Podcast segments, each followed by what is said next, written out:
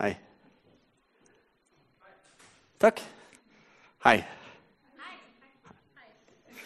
Det er godt det er noen eh, tre-fire trofaste. Til andre, alle dere andre. Og hei. Godt å se dere. Kjekt å være her. Eh, og det eh, Ja. Jeg, for dere som ikke kjenner meg, så heter jeg Frode. Jeg er hovedpastor her i menigheten. Og får lov til å være her og besøke dere unge. Det er veldig kjekt. Det setter jeg pris på. Takk skal dere ha. Du, Vi eh, er i gang med en ny prekenserie, som eh, Andrea sa. Tro det eller ei. Og eh, vi skal si noe Og det er altfor vanskelig å si veldig mye, men vi skal si noe om det som på en måte sitter uansett, enten du tror det eller ei, når det gjelder Gud. Hvem Gud er, når det gjelder synd og frelse, hvordan det virker og eh, i forhold til menigheten så har vi lyst til å si noe veldig sånn fundamentalt sant om det, og løfte fram det. Og I dag er det Gud som er tema. og eh, Egentlig skulle vi gjerne hatt med Bibelen også, som en av de fire. Men nå har vi akkurat hatt en egen serie på Bibelen, så da tenkte vi at da eh, tar vi disse tre nå. Vi skal begynne med å be. Kjære himmelske Far, takk for at uh, du er her til stede midt iblant oss. Takk for at du uh, kommer med din nåde, du kommer med din kjærlighet. Du kommer med din miskunnhet, du kommer med din kraft. Du kommer med legedom, Herre. Du kommer med utfrielse, tilgivelse. Herre, det er så mange ting å nevne med som du kommer med, Herre. Men uh, mer enn noe, Herre, så kommer du for å møte oss. Du kommer fordi du har vårt beste i din interesse. Du ønsker her at vi skal få lov til å få del i det du har skapt oss til. Det du har gjort klart, Herre, fra tidenes morgen, og som eh, ligger klart for at vi skal få gå inn i det steg for steg, Herre. Så jeg ber Herre at du skal eh, åpenbare noe av det for oss i kveld. At vi får se mer av hvem du er, at vi kan få et klarere bilde av hvem du er, en tydeligere forståelse av eh, sannheten om hvem du er. Og at vi kanskje til og med her også skal få lov til å bli satt fri fra noen eh, misoppfatninger eller falske bilder herre, av hvem du er. Så Herre, vi priser deg og takker deg for at det er du som inviterer oss eh, til fellesskap med deg. Og takk, Herre, for at eh, vi skal få lov til å ta imot det eh, i tro. Og at eh, gjennom vår tro, Herre, så forløser du ditt liv i oss. Vi ber i Jesu navn. Amen. Vi har lyst til å si noe viktig og grunnleggende sant om Gud. For det er eh, mange misoppfatninger, mange eh, falske bilder av Gud som eh, virker ute iblant oss. Og eh, også innenfor Kirken, og det har gjort det opp igjennom i eh, egentlig all tid som Kirken har eksistert, så har man eh, bygd opp og laget bilder ut ifra forskjellige forutsetninger som vi har måte, dannet oss. Og så har man vært med å løfte fram Gud. Og at jeg måte, her i dag skal si akkurat sånn det er, og alt er sant, eh, sånn at du kan gå hjem og bare vite sånn er det, eh, det klarer jeg nok ikke. Tiden er ikke tilstrekkelig, og, ikke, og jeg er langt fra kompetent nok til å gjøre det. For det kan vel bare Gud gjøre. Men det er en eh, spennende ting ved det å leve sammen med Gud, er at vi stadig får eh, se mer av hvem han er.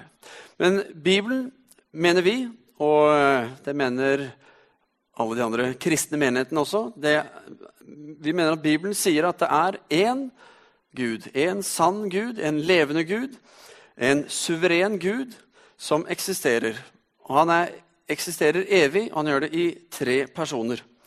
Tro det eller ei. Vi skal se litt på det.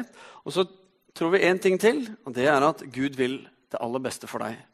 Kanskje ikke akkurat det du sitter og tenker på når jeg sier det beste for deg, for da plutselig så kommer den karrieren og den bilen og det huset og den hytta og hele greia opp.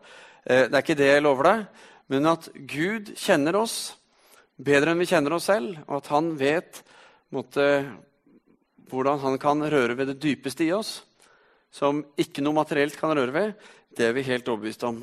Og jeg tror at det å akseptere det, eller å våge å tro det, og møte Gud med, med, det som en av premissene, tror jeg er en veldig frigjørende og bra ting. Forrige uke så ble det lansert en ny bibeloversettelse, 2011-oversettelsen. og eh, når det kommer en ny bibeloversettelse, så skal liksom alle uttale seg om eh, denne oversettelsen. Man skal komme med synspunkter og meninger, og man får dele alt. Både av eh, godt og ondt og positivt og negativt og det som er. Eh, og I begynnelsen av uken var det en kommentar i Aftenbladet, en som heter Mie Hidle, som skrev, og hun eh, siterte en språkforsker en, som er dyktig på språk, som da selvfølgelig hadde uttalt seg, og han heter Finn-Erik Vinje. Og han med hadde da I en blogg hadde han skrevet hva som var hans syn på den gammeltestamentlige Gud. Eh, og det skal dere få her. Han mener altså at Javé, altså den gammeltestamentlige Gud, som for så vidt også er nytestamentlig, men han ser han i det gamle testamentet, at han er avskyelig, han er infam og utiltalende. Så har han mer å si, og så sier han den mest frastøtende av alle de motbydelige skikkelser som dukker opp i litteraturen. Prikk, prikk, prikk, for han har masse på hjertet. Han er sjalu, og han er stolt av det. Han er en smålig, urettferdig, uforsonlig kontrollfrik, en hevngjerrig, etnisk renser, en enda mer hadde han på hjertet, stormannsgal, sadomasochistisk, ustabil, ondsinnet og brutal bølle. Jeg vet ikke om det korresponderer med hvordan du tenker på Gud. Eh, men her var det mye som kom fram. Og for oss som kristne, eh, de som er det, som går, for oss da går liksom rundt og tenker at, og si at Gud er god. Og om vi bare sier det mange nok ganger, så vil alle forstå det. Eh, kan bli litt naivt. Og så er det Ja, jeg kan si mye om det, og jeg skal ikke gå inn på det, men poenget er at vi har våre bilder av Gud. Om dette enn var ekstremt, så har du og jeg våre bilder av Gud, og vi har alltid dannet det bildet på eh, ett eller flere grunnlag. Eh, det sies at vi mennesker vi bruker i snitt 15 sekunder på å danne oss et førsteinntrykk av noe eller av noen. Og når de 15 sekundene er gått, så vil vi ta alle andre inntrykk og tolke ut ifra det førsteinntrykket. Så hvis du har gjort et dårlig førsteinntrykk, så kan du gjøre ganske mye bra etterpå, og så vil det bli tolket ut ifra eh, et først, negativt førsteinntrykk. Eh, og sånn fungerer vi mennesker. I eh, Dagbladet for, eh, Dagbladet hadde en reklame for mange år siden. Og de er litt opptatt av dette er at virkeligheten er ikke alltid sånn som vi tror. og sånn den ser ut. Og da hadde de skal vi se, bilde av en fin fyr her. Det var ikke akkurat han. Eh, jeg klarte ikke å finne den videoen. Men han var en sånn type sånn som dette her. Med bein og alt i alle bauger og kanter og fjør og spyd og alt. Og han sto da inne i et rom, inne i et hjørne, som klar til angrep. Og så kom da denne Dagbladet-greie logoen opp, og det sto et eller annet. Og så gikk han helt opp i kameraet, sånn at du bare så fjeset, og så sa han Hva farsken er du glor på? Og det var ingen som venta det. Og det jo, for meg ble det en liksom, å, kul reklame. Fordi den bare bretta vekk alt det jeg tenkte når jeg så det bildet. Og eh, vi trenger av og til å få noen sånne opplevelser. Vi ser at de eh, tankene vi har, de bildene vi har, de eh, førsteinntrykkene som vi på en måte låser, konkluderer med, at de ofte er gale. Og det er det veldig ofte i møte med mennesker, eh, og også i møte med Gud. Fordi sannheten er at det finnes mange misoppfatninger av hvem Gud er. Og de handler mye om vår evne til å sette oss inn i og forstå hvem Gud er. Eh, Vi skal se på noen typiske misoppfatninger. Eh, en som heter Jason Strand, fra, som er en av forkynnerne i Eaglebrook Church, han har list, lagd en liste på åtte. og Vi skal se på, eller gå gjennom de nå. Han sier for det første at eh, et bilde av Gud som er eh, falskt, det er at du har denne guden som er uten ansikt. Som er en eller annen kraft som svever der ute, som er eh, personløs, som har ingenting med Jesus å gjøre, men som bare eksisterer et eller annet, og som er vanskelig å forholde seg til. Det andre bildet som vi har, det er eh, trygghetsalarmguden. Det hender sånn at eh, Når det går dårlig i livet, så trenger vi Gud. og Da har vi denne knappen som vi trykker på, og så kommer Gud. Og En av de store utfordringene med det gudsbildet er at Omgangen du har med Gud, det er stort sett bare når det er ille i livet ditt.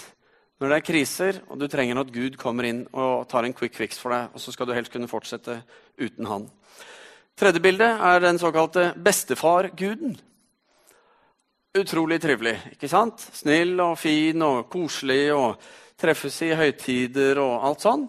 Men i hverdagen ikke veldig relevant. Ikke så mye å på en måte ta med seg der. Litt sånn uh, satt og gammelt. Ikke så mye for hverdagen. Og så har du dommerguden. Vet ikke om jeg, du har vært borti den? Men han holder jo da oversikt over livet ditt. Alt det gale eh, du gjør, og alt eh, det gode du gjør.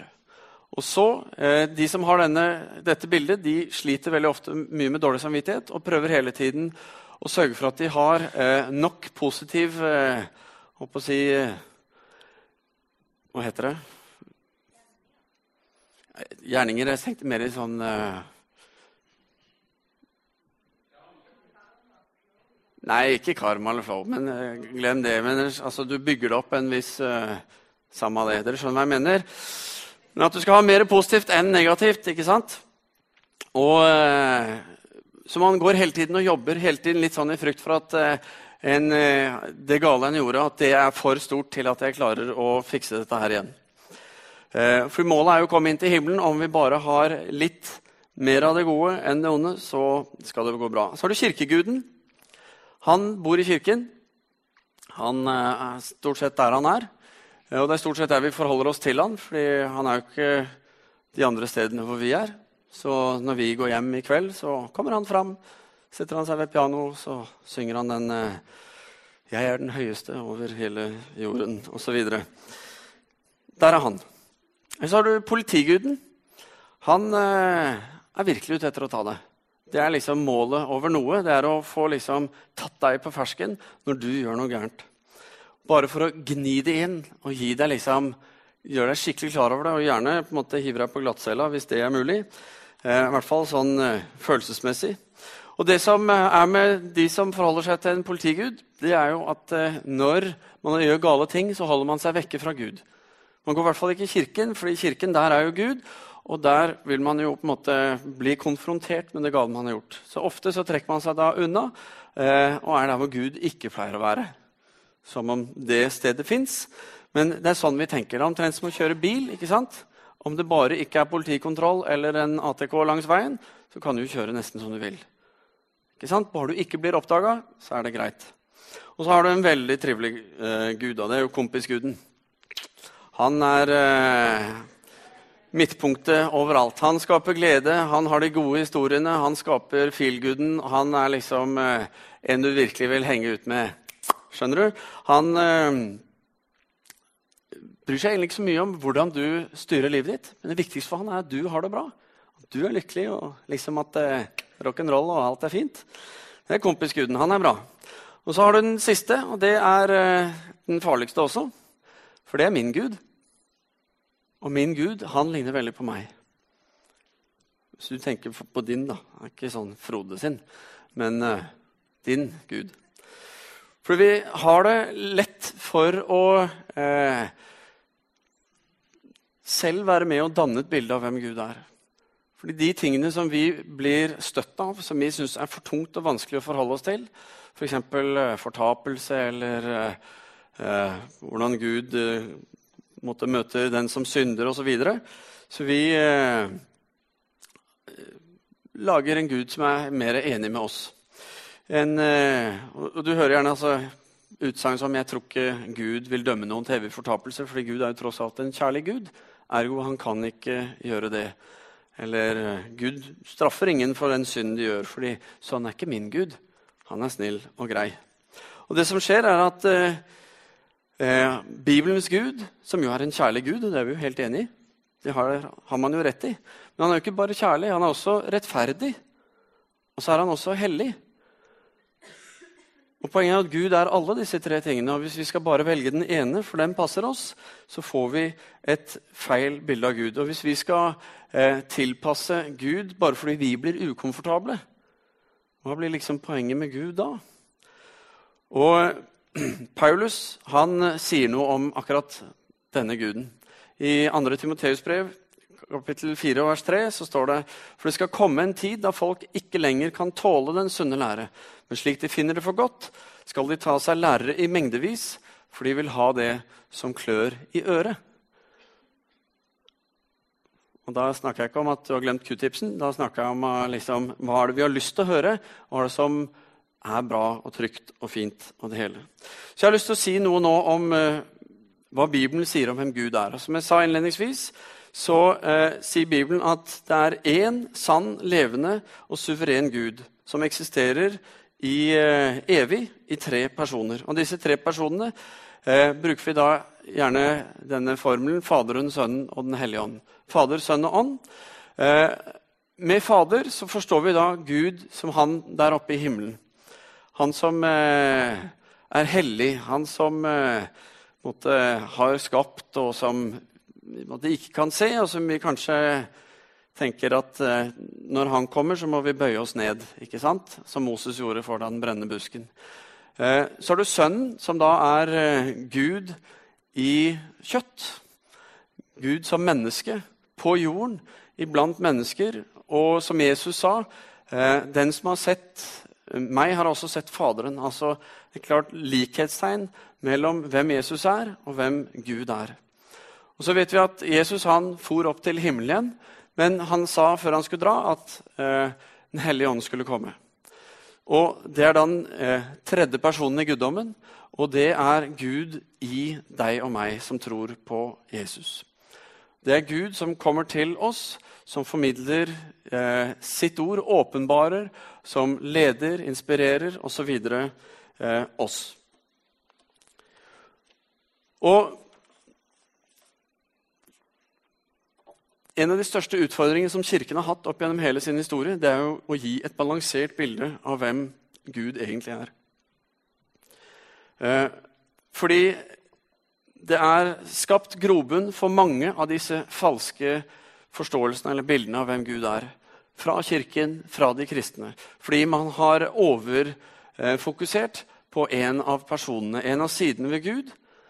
At for så har man vært så uh, tydelig på at uh, synd er så galt, og at Gud måtte hater synd, og han dømmer synd og den som synder ikke sant? ved deg, og det er med deg og hele pakka. Sånn at man har eh, straffet mange, man har hengt ut mange opp igjennom. Eh, norsk historie har mye av det. Pietismen er et klart eh, bilde på det. Og det er mange forskjellige ting. Når jeg var eh, yngre Ikke at jeg er så fryktelig gammel, men jeg er på vei. Så husker jeg vi hadde en feide med ungdomskoret jeg spilte i. Hvor vi skulle Vi leide et lokale som vi spilte i, og det var da en annen menighet.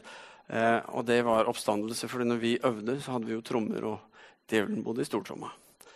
Eh, og, og, Det er sånn der, eh, typisk bilder altså hvor man knytter de negative tingene, og så er man med og så skaper man et bilde av Gud som en veldig dømmende, kontrollerende, rar Gud. Fordi Om vi bare ser på Gud som eh, i egenskap av Faderen, altså Gud der oppe i himmelen, så har vi lett for å få et sånt distansert forhold til Gud. Vi har lett for å tenke på han nettopp som en sånn som følger med der oppe, som dømmer, eller kanskje bare en som har nok med sitt eget. Eller, eh, men ofte så blir den guden lite relevant for hverdagen. Eh, vi kan tenke på Gud bare i egenskap av personen, altså i Sønnen, i Jesus. Eh, og for mye ensidig fokus på det kan jo eh, fjerne en del av det guddommelige siden ved det. For det blir bare menneskelig. Eller om ikke bare, så i hovedsak. Sånn at man ender opp med eh, en person som ok, Kanskje han ikke var helt Gud, da, men han var i hvert fall en stor profet. Han sa veldig mye bra. Og en skikkelig kompis hvis du bare blir kjent med han. Eh, eller ser vi på Gud som bare ånd, så kan det fort ende opp eh, for mange skummelt. Eh, og det kan bli svevende, det kan bli veldig følende, og det kan bli veldig sånn eh, eh, styrende. Fordi vi er de som sier hva ånden Altså de som har greie på det, forteller hva ånden sier. og ordner med. Det blir ofte mye rart ut av det. Men Gud er altså alle disse tre personene i ett. Og Skal vi forstå hvem Gud er, så trenger vi å se på disse sammen. Vi må se hvordan disse går i hverandre, og hvordan de eh, på hver sin måte betyr noe for deg og for meg. Og hvordan det er med på å forme vårt liv som kristne. En ting som mange kristne i dag, i vår tid, i våre sammenhenger i Norge sliter med, det er jo forholdet kanskje til Den hellige ånd. Gud er ålreit, Jesus er kjempefin, ikke sant? Den hellige ånd det er litt sånn skummelt. Det er ålreit å prate om det, men akkurat den der personlige forholdet til en hellig ånd som på en måte skal, som du ikke ser eller kan kontrollere, men som skal komme inn og skape noe i deg, en, enten en følelse eller Eh, plutselig så skal du stå og rekke hendene i været. Eller, altså alle disse tingene som vi begynner med det. Det er en sånn typisk eh, ting som norsk kristendom sliter med. Ikke alle, selvfølgelig, men mange gjør det. Og eh, jeg tenkte litt på også, hvordan fungerer egentlig det. Og da tenkte jeg på min kone, bare for å lage et bilde. da. Ikke at hun er sånn type som ikke har noe med Den hellige ånd å gjøre. ikke det hele tatt, Men eh, jeg tenkte et bilde. Jeg har da en kone. Hun heter Marianne. Eh, og hun er veldig vakker. Pen eh, kvinne. Hun er eh, veldig koselig å holde rundt og gi en god klem og alt sånn. Eh, så kunne jeg jo da tenke at siden Marianne av og til sier skal vi late som da, rare ting eller at hun synger for mye, og så synger hun bare sånne rare ting. Så kunne jeg tenke at jeg skjønner ikke helt dette. Så eh, hvis du bare er stille, hvis jeg kan forholde meg til deg uten at du sier eller synger eller gjør noen sånne ting, så kan jeg nyte ditt vakre ytre, jeg kan holde rundt deg og gi deg en klem, og jeg kan si til deg de tingene jeg trenger å si til deg. Men det jeg har gjort, er jo også å hindre henne i å formidle til meg. Og det er jo nettopp der Den hellige ånd kommer inn i hvem Gud er i forhold til oss. Fordi det er ved Den hellige ånd, som tar bolig i oss, i våre hjerter, ved vår tro, at Gud åpenbarer sitt ord. At Gud eh, taler til oss. At han eh, leder oss. At han fyller oss med eh, kraft. At han eh, gir oss den derre fredsfølelsen for de tingene som vi skal få lov til å gjøre, og som er bra, og hvor han fyller oss med den uroen for de tingene som ikke er bra. Måten Gud kommuniserer med oss. Og, der, og det å på en måte ta én av disse tre personene vekk, det er en eh, veldig uheldig greie. Fordi vi taper så mye av eh, hvem Gud er, og vi mister en stor, viktig dimensjon ved Gud. For Gud er ikke bare høy og hellig. Han er ikke bare en historisk person som kom for å frelse.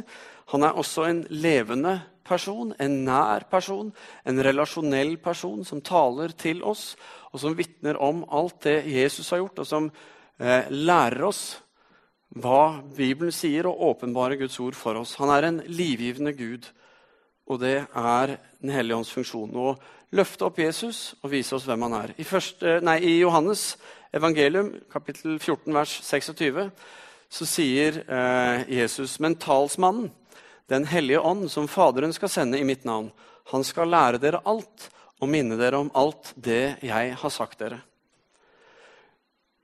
Og Hvis du da tar vekk Den hellige ånd, hvem er det da som skal lære, hvem er det som skal minne, hvem er det som skal løfte dette fram? Vi blir jo stående mer i altså Da må vi prøve å finne ut av dette sjøl. Samtidig i dette verset så ser du hvordan eh, disse tre personene virker sammen. Ikke sant? For du har Jesus der, du har faderen, altså Sønnen der, Faderen der, og du har Den hellige ånd. Og dette samarbeidet mellom de, det er Gud. Og kun disse tre personene sammen, når vi ser det sammen, da kan vi begynne å ta til oss av hvem Gud er. Eh, og Jo mer vi bruker tid på å bli kjent med Gud, jo mer vi eh, søker Han og er åpne for å møte eh, alle disse tre personene og se at Gud taler inn i vårt liv på forskjellige måter. Både gjennom sin storhet og hellighet, gjennom sin menneskelighet og også eh, si, sin frelse og alt det Jesus gjorde, sin kjærlighet, tydelig og klart også gjennom Den hellige ånds virke i oss. Jo mer vi ser det, jo eh, større opplevelse tror jeg vi vil få av at Gud er en levende, sann Gud som kommer og møter oss, og som er evig eksisterende i tre personer. Og, og, det å nærme seg Gud det tror jeg er noe vi skal gjøre i ydmykhet. Vi skal ikke ta noe sånn derre Ok, jeg var på det møtet, jeg hørte noe om Gud. Sånn er Gud. Eller eh, jeg prata med han, og han sa dette om Gud. Sånn er Gud. Men at vi skal ta alt det vi har hørt, alt det vi har lært, og så skal vi prøve det på det som står i Bibelen. For det er jo først og fremst her vi eh, lærer Gud å kjenne. Og Derfor skal vi få prøve alle våre bilder og tanker av Gud. Så hvis du har en Gud som, som du er litt redd for, og som du eh, syns er vanskelig å forholde deg til, så kan du gå hit så kan du eh, se at det trenger du ikke. Fordi Gud han kommer for å gi deg det beste. Han kommer for å sette deg fri. Han kommer for at du skal få ha en fullkommen glede i livet ditt. Og det handler da om hva han har stelt i stand for deg, og hva du får ta imot. Eh, og det må også ses ja, ikke sant? i sammenheng med Bibelen sier. Da blir det tror jeg, mye lettere å tro på Han. Og Hvis vi samtidig våger å ta det trosteget, at vi sier til oss selv at 'jeg vil tro at Gud, han vil det beste for meg'.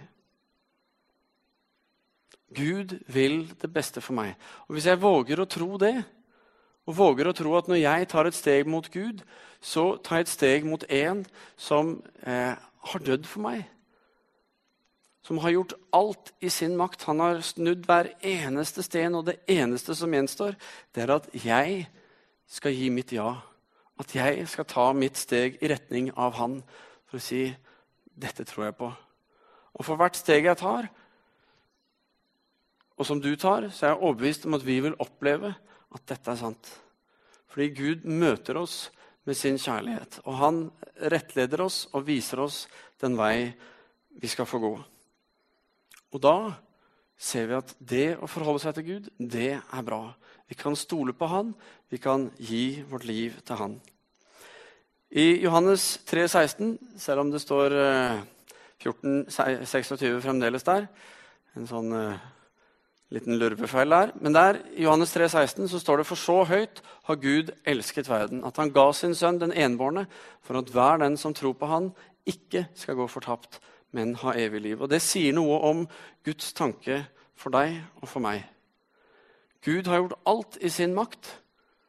Han har forberedt og så inviterer han deg og meg til å ta et steg inn i det, i tro på at det han har gjort i stand, det han gikk i døden for, det er verdt å gå for. Det er verdt å tro på.